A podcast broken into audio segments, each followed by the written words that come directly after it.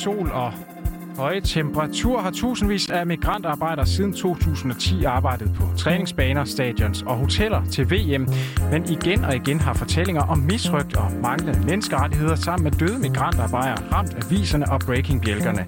Nu kræver DBU så et brev, at FIFA for Katar til at rette op, men hvor meget kan tre sider, to underskrifter og en række krav egentlig være med til at ændre? Det undersøger dagens indsigt. Mit navn er Olof von Herre.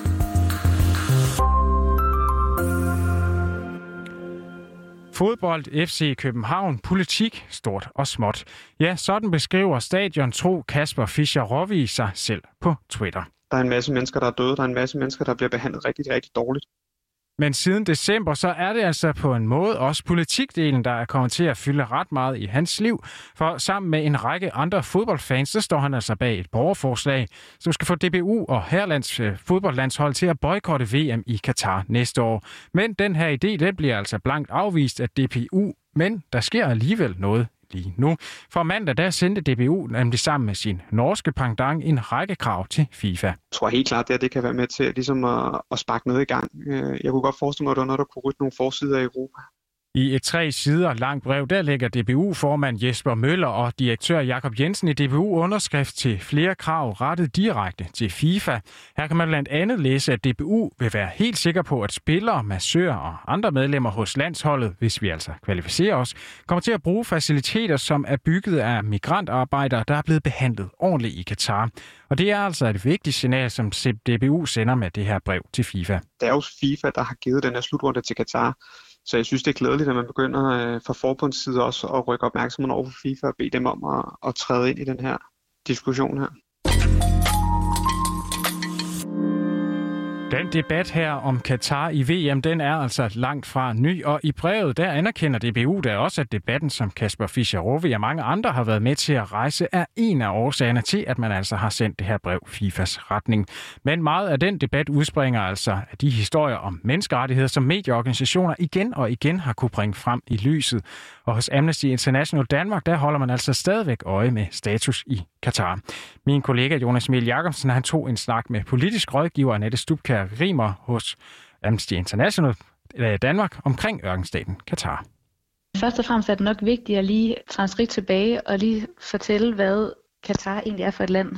Altså det er jo en stor ørkenstat, som kun har omkring 300.000 indbyggere, og ellers så er resten af befolkningen, som nu er op imod faktisk næsten 2 millioner, det er migrantarbejdere, som kommer til landet fra omkringliggende lande, altså Nepal, øh, Sri Lanka, Filippinerne, for at søge arbejde.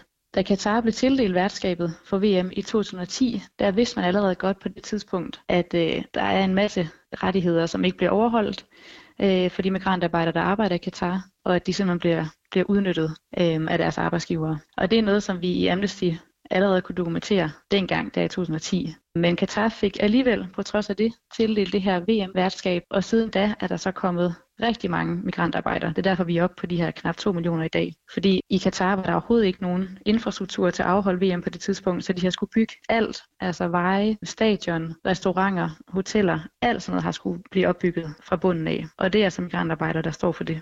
Og hvordan bliver de her migrantarbejdere udnyttet?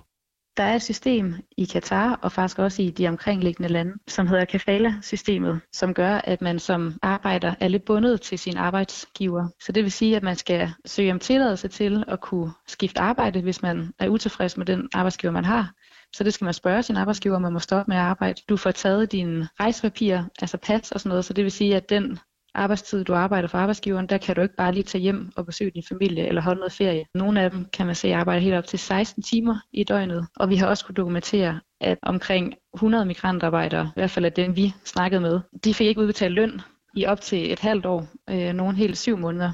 Så det vil sige, at de bare arbejder og arbejder uden at kunne få den løn, de egentlig har krav på. Og de her migrantarbejdere har faktisk tit noget familie eller andre, de skal hjælpe med at kunne betale for skole for hjemme i deres hjemland. Nu siger DBU, at der har været forbedringer i Katar, men hvad er jeres indtryk? Og det er også rigtigt.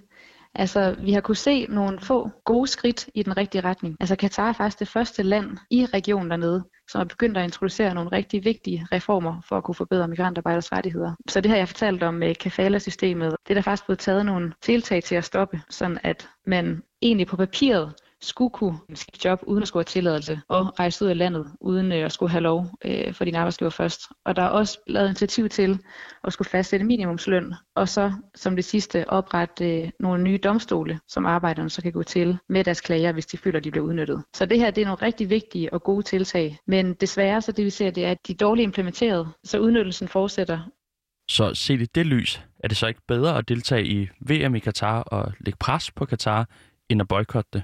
Som menneskerettighedsorganisation er det ikke vores rolle at præcis sige, hvad andre aktører skal gøre. Men det vi kan se er, at situationen i Katar er rigtig kritisk for migrantarbejdere. Der er brug for at lægge et pres, sådan at de her første skridt kan blive fuldt til dørs. Nu her, hvor VM skal afholdes, jamen så er det en oplagt mulighed jeg for at lægge det her pres, men at vi selvfølgelig også håber, at det ikke kun er under VM og op til VM, at der bliver arbejdet for, at migrantarbejdernes rettigheder skal sikres, men at man også vedholder det pres.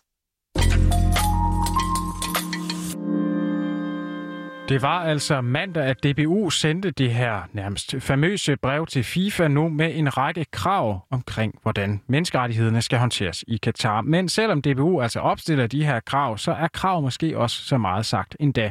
Her er det i hvert fald DBU's direktør Jakob Jensen, som selv udlægger brevet. Altså, vi stiller jo nogle krav i brevet, men vi formulerer jo ikke, at hvis ikke de krav bliver opfyldt, så deltager vi ikke ved VM. Med andre ord, hvis vi kvalificerer os til VM, så kommer vi altså også til at spille med. Det er ikke nogen hemmelighed, at vi gerne vil spille VM. Vi er en fodboldorganisation. Vi elsker fodbold, og, øh, og det fineste sted, man kan spille fodbold, det er ved et VM. Men vi giver et klart signal om, at det VM, hvis det skal afvikles i Katar, som man har planlagt, så er man simpelthen nødt til at få skruet op for at forbedre menneskerettighedssituationen, få implementeret den lovgivning, der ligger, få undersøgt de ting, der er sket, og få fremmet de grundlæggende øh, frihedsrettigheder, som, øh, som øh, er afgørende for mennesker. Hos organisationen Play the Game, som arbejder for at højne det etiske niveau i sport, ja, der mener international direktør Jens Sejer Andersen, ligesom DBU, at umiddelbare reaktioner som en boykot, det er altså heller ikke en løsning til at få bedre menneskerettigheder i Katar. Lægger man langsigtede planer, så er der altså større sandsynlighed for, at man får gode resultater, end hvis man hele tiden reagerer på det, der lige sker omkring en. Og noget af det, vi kunne forestille os, man gjorde her, det var, at man enedes om igennem de internationale forbund og igennem organisationer som EU og Europarådet, at Danmark altid havde en klar og markant stemme og tydeliggjorde, hvor grænsen går for, hvad vi vil være med til. Det er ikke sikkert, at man kan lave en opskrift, der gælder for alle lande og i al fremtid, for verden er jo et dynamisk sted. Mens Jens Seier Andersen, han erkender altså også, at det vil være en rigtig stor udfordring, netop på grund af lande, som altså ikke ønsker den her udvikling, som vi bakker op om her i Danmark. Og det kan blive ganske svært, for hvis vi tager en autoritær stat som Kina, ja, så vil den jo reagere med, det har vi jo set mange gange, vi risikerer i hvert fald, at den reagerer ved at øh, indføre forskellige handelsrestriktioner eller andre ting, der generer danske virksomheder. Så vi er ude i et kompliceret spil. Vi siger ikke, at vi har løsningen, men vi siger, jo bredere en alliance vi kan skabe, og jo længere varende øh, en strategi vi kan have, jo bedre chance har vi for at klare os godt. Men han tror altså stadigvæk på, at øh, en langsigtet strategi, det er løsningen på Katars øh, haltende menneskerettigheder tror jeg faktisk, den kunne. Vi har i de sidste år set, hvordan debatten om menneskerettigheder og de store begivenheder, også OL, faktisk har ført til, at både FIFA og den internationale olympiske komité har lovet, at de vil tage mere hensyn til menneskerettighederne. Det er ikke sådan, at de så den næste dag går ud og opfører sig præcis, som de har sagt. Men det betyder, at der er noget, man kan holde dem op på, og det betyder, at de trods alt øh, risikerer deres ry og rygte yderligere, hvis de bare bliver ved med at gøre det modsatte af, øh, hvad de siger. Det vil sige, at det bliver mere legitimt at blande spørgsmål om menneskerettigheder øh, ind i spørgsmålet om, hvem der skal have øh, store mesterskaber.